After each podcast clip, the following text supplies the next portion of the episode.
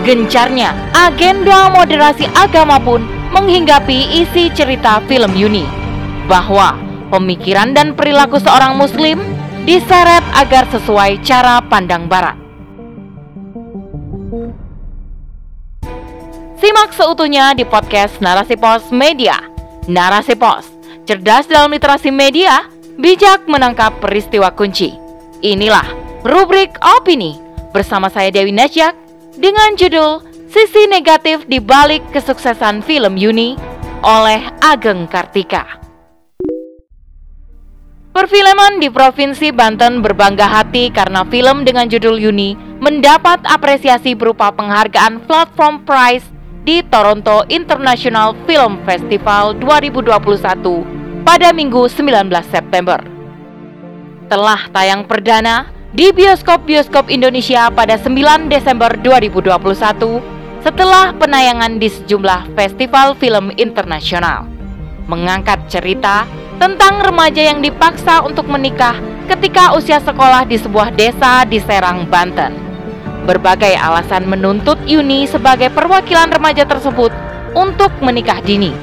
Antara lain, faktor ekonomi, menjaga martabat keluarga, dan menghindari hamil di luar nikah yang dianggap membawa aib keluarga. Akhirnya, Yuni bangkit melawan tekanan keluarga dan masyarakat sekitar dengan caranya sendiri. Inilah wujud patriarki yang dianut masyarakat dari dahulu hingga sekarang, terkhusus di daerah-daerah.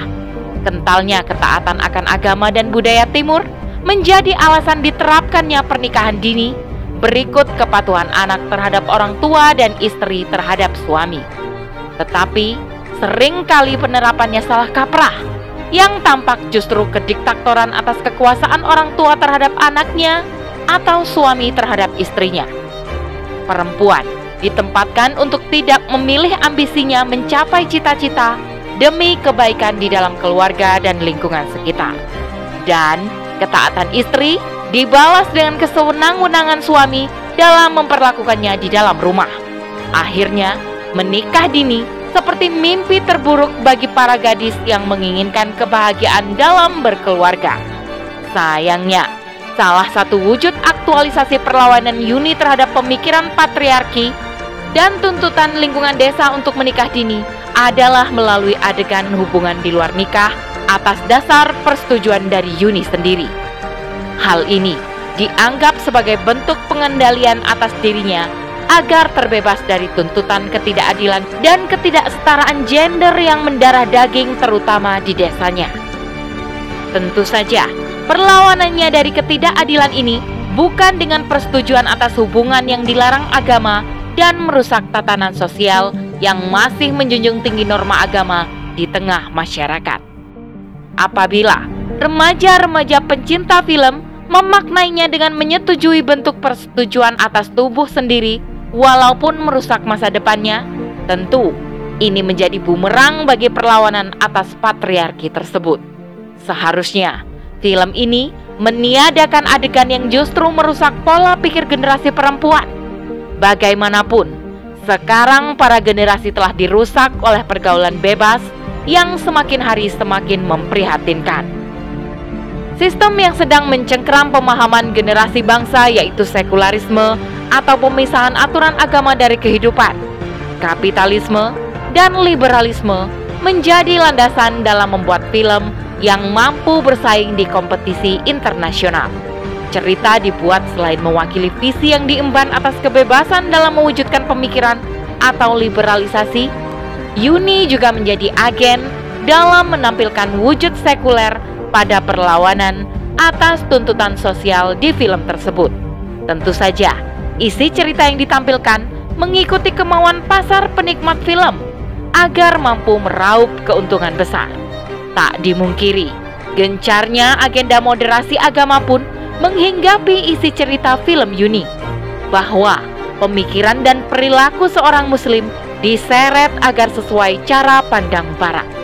Layaknya Yuni yang mengambil salah satu solusi dalam mendobrak habit di lingkungannya melalui kedaulatan atas dirinya sendiri yang justru mengantarkan pada kemaksiatan baik dalam pandangan Islam maupun budaya sekitar.